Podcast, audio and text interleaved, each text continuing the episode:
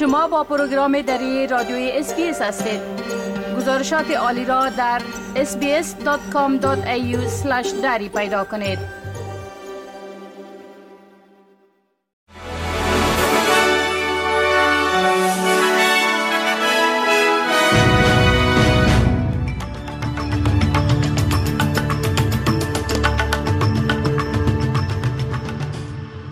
با عرض سلام من فضیل تصمیم شما را به شنیدن مهمترین اخبار روز دعوت می کنم. روند انتخابات برای تعیین اینکه چی کسی جدیدترین نخست وزیر کوینزلند خواهد بود پس از استعفای نخست وزیر کوینزلند خانم انستیژیا پالاشی در حال انجام است. معاون نخست وزیر استیون مایلز و وزیر صحت شانن فنتمن هر دو قصد خود را برای شرکت در این انتخابات اعلان کردند. آقای مالز توسط صدر در حال ترک وظیفهش تایید آقای مالز توسط صدر در حال ترک وظیفهش تایید شده و چنین به نظر می رسد که حمایت اتحادیه کارگران را نیز به دست آورده است. حزب کارگر در حال برگزاری مذاکراتی است تا اطمینان حاصل شود که رقابت رهبری بین آقای مالز و خانم فنتمن باعث ایجاد مشکل در حزب نمی شود.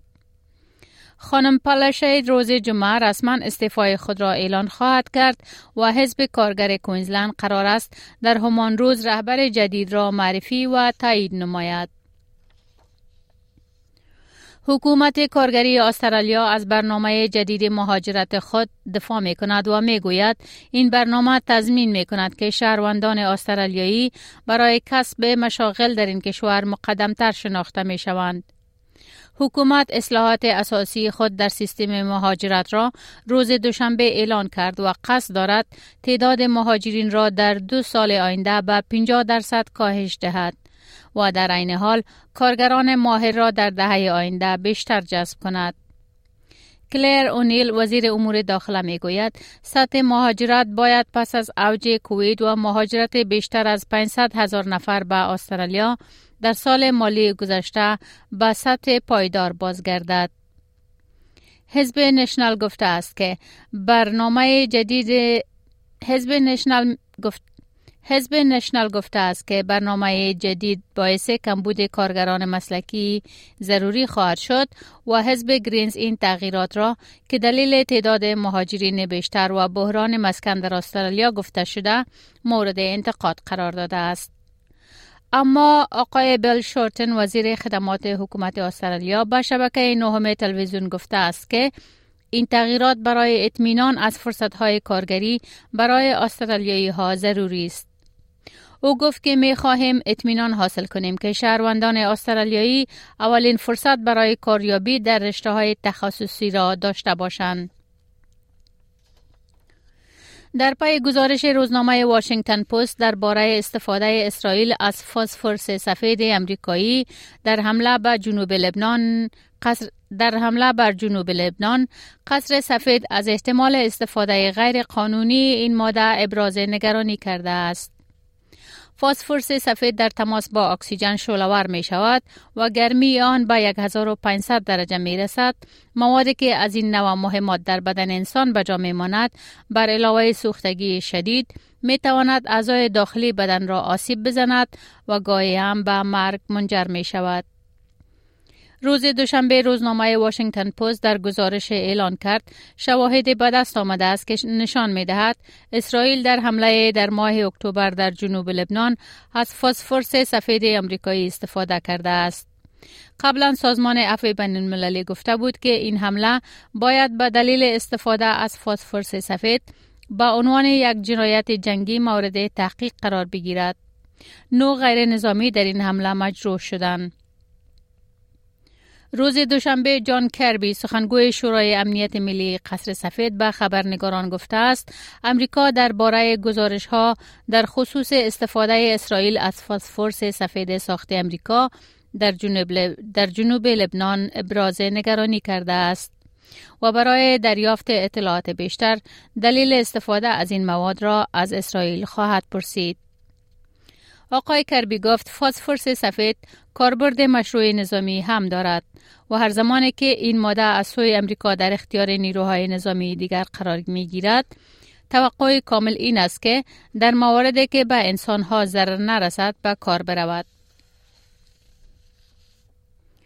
وزیر دفاع اسرائیل گفته است که اسرائیل قصد ندارد پس از پایان جنگ با حماس در نوار غزه در نوار غزه باقی بماند.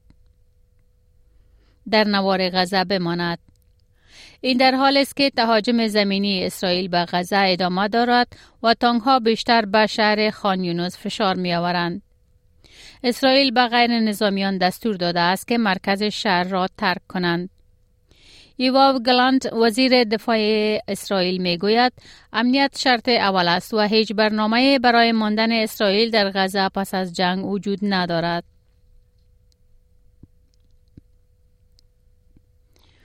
در همین حال حملات هوایی شدید در شمال غزه نیز دیده شده است و حماس گفته است تا زمانی که درخواستهای آنها برای تبادل زندانیان برآورده نشود گروگانهای بیشتری را آزاد نخواهند کرد.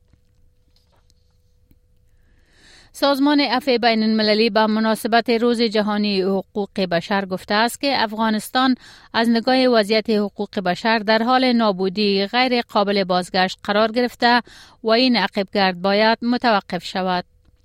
این سازمان یکشنبه دهم دسامبر گفت که طالبان از زمان به قدرت رسیدن در 15 اگست سال 2021 در افغانستان دوره جدیدی از سوی استفاده و نقض حقوق بشر را آغاز کردند. با گفته این سازمان مقامات طالبان نه تنها وعده خود را مبنی بر حمایت از حقوق مردم افغانستان با خصوص حقوق زنان زیر پا گذاشتند بلکه خشونت را دوباره آغاز کرده و با مسئولیت کامل دست به نقض حقوق بشر زدند. سازمان عفو بین المللی گفته است که حکومت طالبان در سال اول حاکمیتش به طور سیستماتیک نهادهای کلیدی برای حمایت از حقوق بشر را منحل کردند. آزادی بیان، محاکمه عادلانه و سایر حقوق را تحت فشار قرار دادند. همچنان این سازمان تأکید کرده است که حقوق افغانها برای آزادی بیان باید تضمین شود و آدم ربایی، بازداشت های خودسرانه، اذیت و آزار خبرنگاران و معترضان باید پایان یابد. دفتر معاونت ملل متحد از حکومت طالبان بار دیگر خواسته است که برای ایجاد آینده باثبات، صلحآمیز و مرفع برای مردم افغانستان پذیرفتن و حمایت از تعهدات حقوق بشر را احترام کنند. طالبان هنوز در این مورد عکس العمل نشان ندادند اما قبلا مدعی شدند که حقوق زنان در چوکات شرعی در افغانستان تامین می شود.